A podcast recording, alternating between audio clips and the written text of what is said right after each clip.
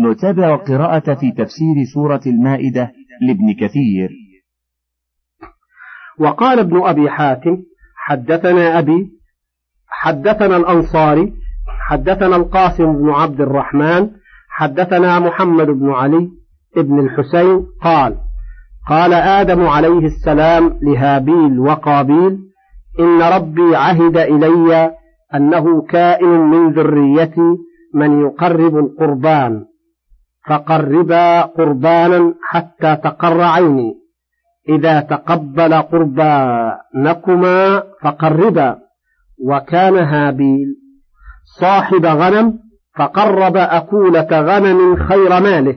وكان قابيل صاحب زرع فقرب مشاقة من زرعه فانطلق آدم معهما ومعهما قربانهما فصعدا الجبل فوضعا قربانهما ثم جلسوا ثلاثتهم آدم وهما ينظران إلى القربان فبعث الله نارا حتى إذا كانت فوقهما دنا منها عنق فاحتمل قربان هابيل وترك قربان قابيل فانصرفوا وعلم آدم أن قابيل مسقوط عليه فقال ويلك يا قابيل رد عليك قربانك.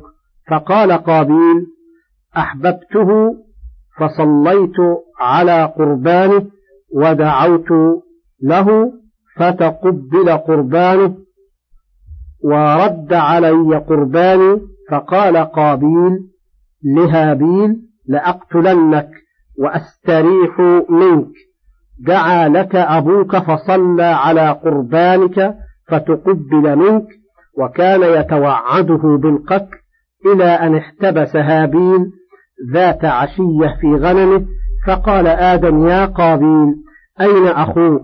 قال وبعثتني له راعيا لا أدري. فقال آدم ويلك يا قابيل انطلق فاطلب أخاك. فقال قابيل في نفسه الليلة أقتله.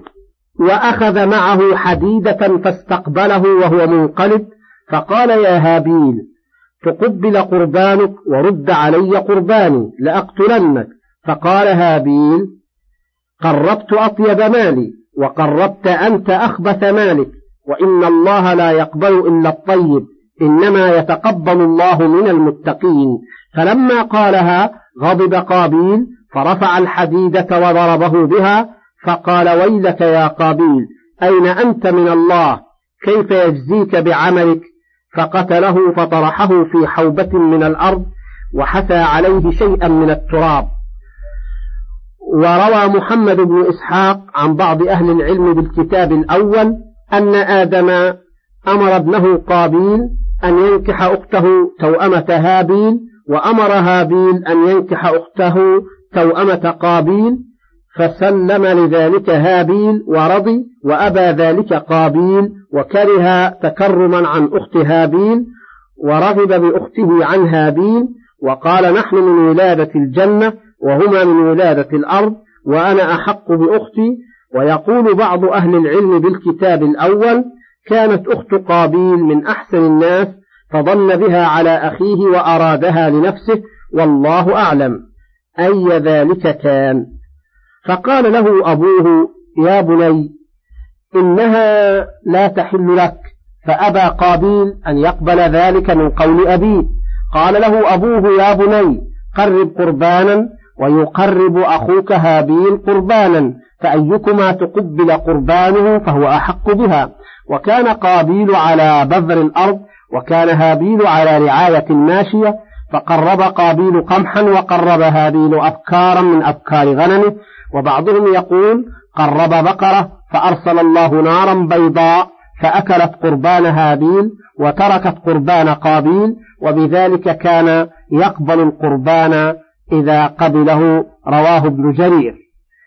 وروى العوفي عن ابن عباس قال من شأنهما أنه لم يكن مسكين يتصدق عليه وإنما كان القربان يقربه الرجل فبين ابن آدم قاعدان إذ قال لو قربنا قربانا وكان الرجل إذا قرب قربانا فرضيه الله أرسل إليه نارا فتأكله وإن لم يكن رضيه الله خبت النار.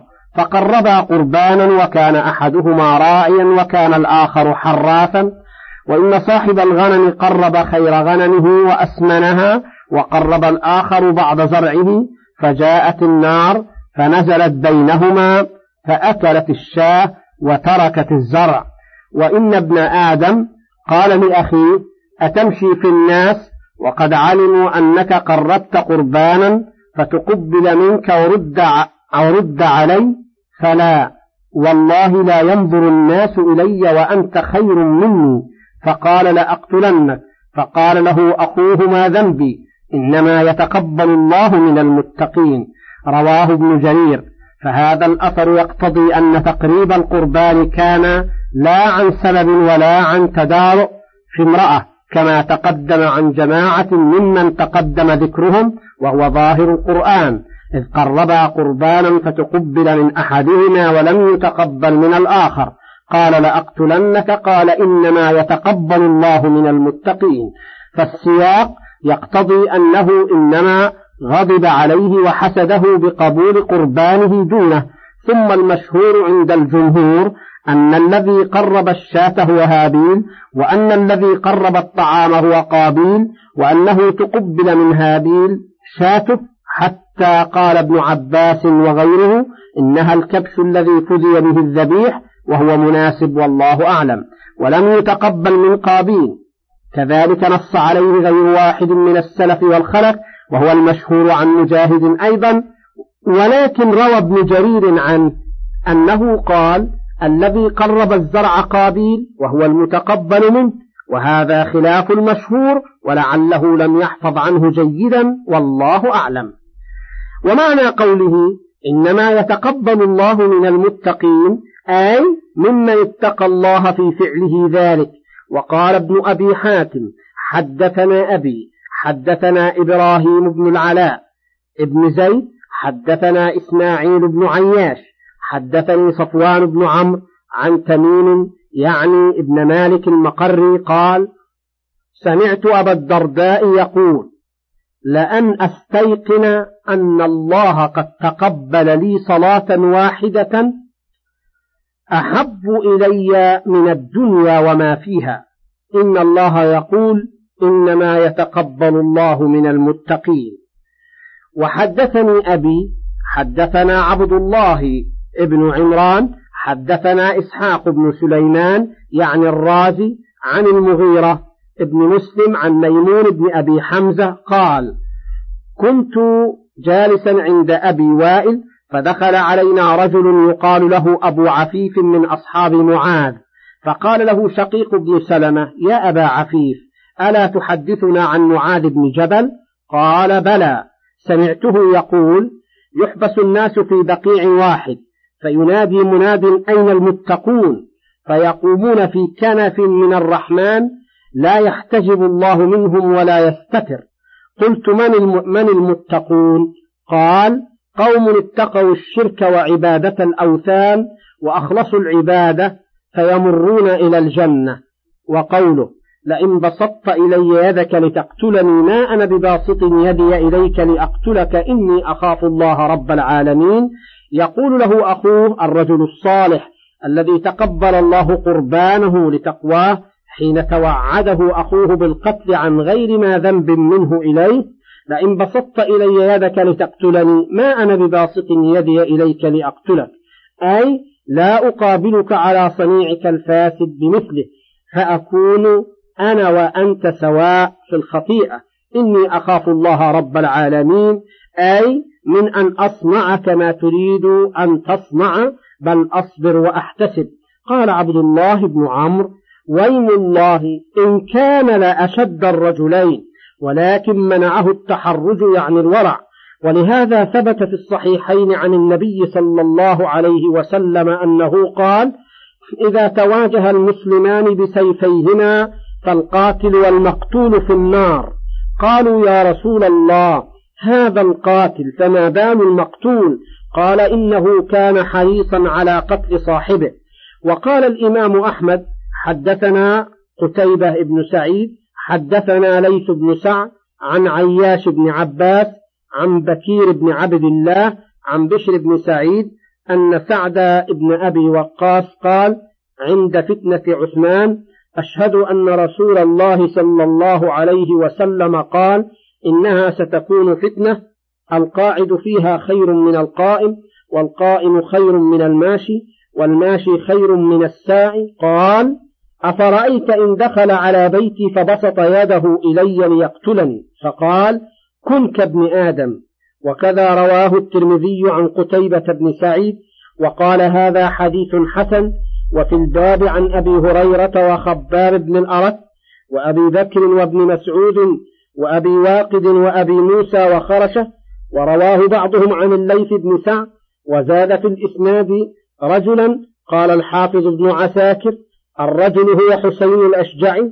قلت وقد رواه أبو داود من طريقه فقال حدثنا يزيد بن خالد الرملي حدثنا الفضل عن عياش ابن عباس عن بكير عن بشر بن سعيد عن حسين بن عبد الرحمن الأشجعي أنه سمع سعد بن أبي وقاص عن النبي صلى الله عليه وسلم في هذا الحديث قال فقلت يا رسول الله أرأيت إن دخل بيتي وبسط يده ليقتلني؟ قال فقال رسول الله صلى الله عليه وسلم كن كابن آدم. وتلا لئن بسطت إلي يدك لتقتلني ما أنا بباسط يدي إليك لأقتلك إني أخاف الله رب العالمين. قال أيوب السختياني إن أول من أخذ بهذه الآية من هذه الأمة. لئن بسطت إلي يدك لتقتلني ما أنا بباسط يدي إليك لأقتلك إني أخاف الله رب العالمين لعثمان بن عفان رضي الله عنه رواه ابن أبي حاتم. وقال الإمام أحمد حدثنا ابن حزم حدثني أبو عمران الجوني عن عبد الله بن الصامت عن أبي ذر قال ركب النبي صلى الله عليه وسلم حمارا وأردفني خلفه. وقال يا أبا ذر أرأيت إن أصاب الناس جوع شديد؟ لا تستطيع أن تقوم من فراشك إلى مسجدك كيف تصنع؟ قال قال, قال الله ورسوله أعلم. قال تعفف قال يا أبا ذر أرأيت إن أصاب الناس موت شديد؟ يكون البيت فيه بالعبد يعني القبر كيف تصنع؟ قلت الله ورسوله أعلم. قال اصبر. قال يا أبا ذر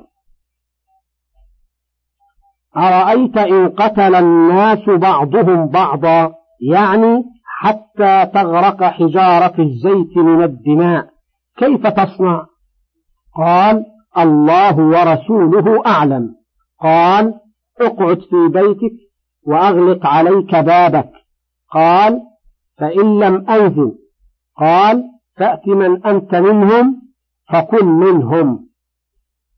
قال فآخذ سلاحي؟ قال فإذا, فإذا تشاركهم فيما هم فيه ولكن إذا خشيت أن يردعك شعاع السيف فألق طرف ردائك على وجهك كي يبوء بإثمه وإثمك. ورواه مسلم وأهل السنن سوى النسائي من طرق عن أبي عمران الجوني عن عبد الله بن الصامت به ورواه أبو داود وابن ماجه من طريق حماد بن زيد عن أبي عمران عن مشعة بن طريف عن عبد الله بن الصامت عن أبي ذر بنحوه. قال أبو داود ولم يذكر المشعث في هذا الحديث غير حماد بن زيد وقال ابن مردوي حدثنا محمد بن علي بن دحين حدثنا أحمد بن حازم حدثنا قبيصة بن عقبة حدثنا سفيان عن منصور عن ربعي قال كنا في جنازة حذيفة فسمعت رجلا يقول سمعت هذا يقول في ناس مما سمعت من رسول الله صلى الله عليه وسلم لئن اقتتلتم لأنظرن إلى أقصى بيت في داري فلألجنه فلئن دخل علي فلان لأقولن هابؤ باسمي واسمك فأكون كخير, كخير ابني آدم. وقوله إني أريد أن تبوء بإثمي وإثمك فتكون من أصحاب النار وذلك جزاء الظالمين. قال ابن عباس ومجاهد والضحاك وقتاده والسدي في قوله إني أريد أن تبوء بإثمي وإثمك أي باسم قتلي وإثمك الذي عليك قبل ذلك قاله ابن جرير. وقال آخرون يعني بذلك إني أريد أن تبوء بخطيئتي فتتحمل وزرها وإثمك في قتلك إياي وهذا قول وجدته عن مجاهد وأخشى أن يكون غلطا لأن الصحيح من الرواية عن خلافه يعني ما رواه سفيان الثوري عن منصور عن مجاهد. إني أريد أن تبوء بإثمي قال بقتلك إياي. وإثمك قال بما كان منك قبل ذلك. وكذا رواه عيسى ابن أبي نجيع عن مجاهد بمثله. وروى شبل عن ابن أبي نجيح عن مجاهد إني أريد أن تبوء بإثمي وإثمك. يقول إني أريد أن يكون عليك خطيئتي ودمي فتبوء بهما جميعا. قلت وقد يتوهم كثير من الناس هذا القول ويذكرون في ذلك حديثا لا أصل له ما ترك القاتل على المقتول من ذنب. وقد روى الحافظ أبو بكر البزار حديثا يشبه هذا ولكن ليس به. فقال حدثنا عمرو بن علي حدثنا عامر بن إبراهيم الأصبهاني حدثنا يعقوب بن عبد الله حدثنا عتبة بن سعيد عن هشام بن عروة عن أبيه عن عائشة قالت قال رسول الله صلى الله عليه وسلم قتل الصبر لا يمر بذنب إلا محاه وهذا بهذا لا يصح ولو صح فمعناه أن الله يكفر عن المقتول بألم القتل ذنوبه فأما أن تحمل على القاتل فلا ولكن قد يتفق هذا في بعض الأشخاص وهو الغالب فإن المقتول يطالب القاتل في العرصات فيؤخذ له من حسناته بقدر مظلمته فإن نفذت ولم يستوف حقه أخذ من سيئات المقتول فطرحت على القاتل فربما لا يبقى على المقتول خطيئة إلا وضعت على القاتل وقد صح الحديث بذلك عن رسول الله صلى الله عليه وسلم في المظالم كلها والقتل من أعظمها وأشدها والله أعلم. وأما ابن جرير فقال والصواب من القول في ذلك أن يقال إن تأويله إني أريد أن تنصرف بخطيئتك في قتلك إياي وذلك هو معنى قوله إني أريد أن تبوء بإثمي وأما معنى وإثمك فهو إثمه يعني, يعني قتله وذلك كمعصية الله عز وجل في أعمال سواه وإنما قلنا ذلك هو الصواب بإجماع أهل التأويل عليه وأن الله عز وجل أخبرنا أن كل عامل أن كل عامل فجزاء عمله له أو عليه وإذا كان هذا حكمه في خلقه فغير جائز أن تكون آثام المقتول مأخوذا بها القاتل وإنما يؤخذ القاتل باسمه بالقتل المحرم وسائر آثام معاصيه التي ارتكبها بنفسه دون ما ركبه قتيله هذا لفظه. ثم أورد على هذا سؤالا حاصله كيف أراد هابيل أن يكون على أخيه قابيل إثم قتله وإثم نفسه مع أن قتله له محرم؟ وأجاب بما حاصله أن هابيل أخبر عن نفسه بأنه لا يقاتل أخاه إن قاتله بل يكف عنه يده طالبا إن وقع قتل أن يكون من أخيه لا منه. قلت وهذا الكلام متضمن موعظة له لو اتعظ وزجرا له لو انزجر ولهذا قال إني أريد أن تبوء بإثمي وإثمك أي تتحمل إثمي وإثمك. فتكون من أصحاب النار وذلك جزاء الظالمين. وقال ابن عباس خوفه بالنار فلم ينتهي ولم ينزجر. وقوله تعالى فطوعت له نفسه قتل أخيه فقتله فأصبح من الخاسرين. أي فحسنت وسولت له نفسه وشجعته على قتل أخيه فقتله. أي بعد هذه الموعظة وهذا الزجر. وقد تقدم في الرواية عن أبي جعفر الباقر وهو محمد بن علي بن الحسين أنه قتله بحديدة في يده وقال السدي عن أبي مالك وعن أبي صالح عن ابن عباس وعن مرة ابن عبد الله وعن ناس من أصحاب النبي صلى الله عليه وسلم فطوعت له نفسه قتل أخيه فطلبه ليقتله فراغ الغلام منه في رؤوس الجبال فأتاه يوما من الأيام وهو يرعى غنما له وهو نائم فرفع صخرة فشدخ بها رأسه فمات فتركه بالعراء. رواه ابن جرير وعن بعض أهل الكتاب أنه قتله خنقا وعضا كما تقتل السباع. وقال ابن جرير لما أراد أن يقتله جعل يلوي عنقه فأخذ إبليس دابة ووضع رأسها على حجر ثم أخذ حجرا آخر فضرب به رأسها حتى قتلها. وابن آدم ينظر ففعل بأخيه مثل ذلك. رواه ابن أبي حاتم. وقال عبد الله بن وهب عن عبد الرحمن بن زيد بن أسلم عن أبيه قال أخذ برأسه ليقتله فاضطجع له وجعل يعمز رأسه وعظامه ولا يدري كيف يقتله. فجاءه إبليس فقال أتريد أن تقتله؟ قال نعم. قال فخذ هذه الصخرة فاطرحها على رأسه. قال فأخذها فألقاها عليه فشدخ رأسه. ثم جاء إبليس إلى حواء مسرعا فقال يا حواء إن قابيل قتل هابيل فقالت له ويحك وأي شيء يكون القتل؟ قال لا يأكل ولا يشرب ولا يتحرك. قالت ذلك الموت. قال فهو الموت. فجعلت تصيح حتى دخل عليها آدم وهي تصيح. فقال ما لك؟ فلم تكلم. فرجع إليها مرتين فلم تكلم. فقال عليك الصيحة وعلى بناتك وأنا وبني منها براء رواه ابن أبي حاتم. وقوله فأصبح من الخاسرين أي في الدنيا والآخرة وأي خسارة أعظم من هذه؟ وقد قال الإمام أحمد حدثنا أبو معاوية ووكيع قال حدثنا الأعمش عن عبد الله بن مرة عن مسروق عن عبد الله بن مسعود قال قال رسول الله صلى الله عليه وسلم لا تقتل نفس ظلما إلا كان على ابن آدم الأول كفل من دمها لأنه كان أول من سن القتل. وقد أخرجه الجماعة سوى أبي داود من طرق عن الأعمش به.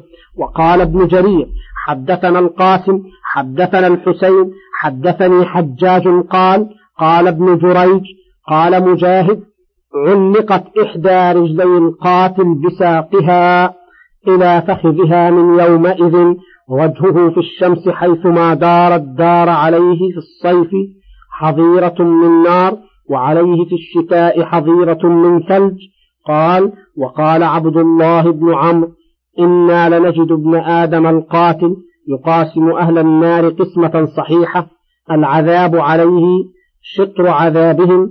وقال ابن جرير حدثنا ابن حميد حدثنا سلمة عن ابن إسحاق عن حكيم بن حكيم أنه حدث عن عبد الله بن عمرو أنه كان يقول إن أشقى الناس رجلا لابن آدم الذي قتل أخاه ما سفك دم في الأرض منذ قتل أخاه إلى يوم القيامة إلا لحق به منه شر وذلك أنه أول من سن القتل. وقال إبراهيم النخعي ما من مقتول يقتل ظلما إلا كان على ابن آدم الأول والشيطان كفل منه رواه ابن جرير أيضا. وقوله تعالى فبعث الله غرابا يبحث في الأرض ليريه كيف يواري سوءة أخيه. قال يا ويلتى أعجزت أن أكون مثل هذا الغراب فأواري سوءة أخي فأصبح من النادمين. قال السدي بإسناده المتقدم إلى الصحابة رضي الله عنهم لما مات الغلام تركه بالعراء ولا يعلم كيف يدفن. فبعث الله غرابين أخوين فاقتتلا فقتل أحدهما صاحبه فحفر له ثم حثى عليه فلما رآه قال يا ويلتى أعجزت أن أكون مثل هذا الغراب فأواري سوءة أخي؟ وقال علي بن أبي طلحة عن ابن عباس قال جاء غراب إلى غراب ميت فبحث عليه من التراب حتى واراه. فقال الذي قتل أخاه يا ويلتى أعجزت أن أكون مثل هذا الغراب فأواري سوءة أخي؟ وقال الضحاك عن ابن عباس مكث يحمل أخاه في جراب على عاتقه سنة حتى بعث الله الغرابين فرآهما يبحثان؟ فقال أعجزت أن أكون مثل هذا الغراب فدفن أخاه. وقال ليث بن أبي سليم عن مجاهد كان يحمله على عاتقه مئة سنة ميتا لا يدري ما يصنع به يحمله ويضعه إلى الأرض حتى رأى الغراب يدفن, يدفن الغراب. فقال يا ويلتى أعجزت أن أكون مثل هذا الغراب فأواري سوءة أخي فأصبح من النادمين. رواه ابن جرير وابن أبي حاتم وقال عطية العوفي لما قتله ندم فضمه إليه حتى أروح وعكفت عليه الطيور والسباع تنتظر متى متى يرمي به فتأكله. رواه ابن جرير. وروى محمد بن إسحاق عن بعض أهل العلم بالكتاب الأول لما قتله سقط سقط في يده أي ولم يدر كيف يواريه. وذلك أنه كان فيما يزعمون أول قتيل في بني آدم وأول ميت. فبعث الله غرابا يبحث في الأرض ليريه كيف يواري سوءة أخيه. قال يا ويلتى أعجزت أن أكون مثل هذا الغراب فأواري سوءة أخي فأصبح من النادمين. قال وزعم أهل التوراة أن قابيل لما قتل أخاه هابيل. قال له الله عز وجل يا قابيل أين أخوك هابيل؟ قال ما أدري ما كنت عليه رقيبا. فقال الله إن صوت دم أخيك ليناديني من الأرض الآن. أنت ملعون من الأرض التي فتحت فاها فتلقت دم أخيك من يدك. فإن أنت عملت في الأرض فإنها لا تعود تعطيك حرثها حتى تكون فزعا تائها في الأرض. وقوله فأصبح من النادمين. قال الحسن البصري علاه الله بندامة بعد خسران.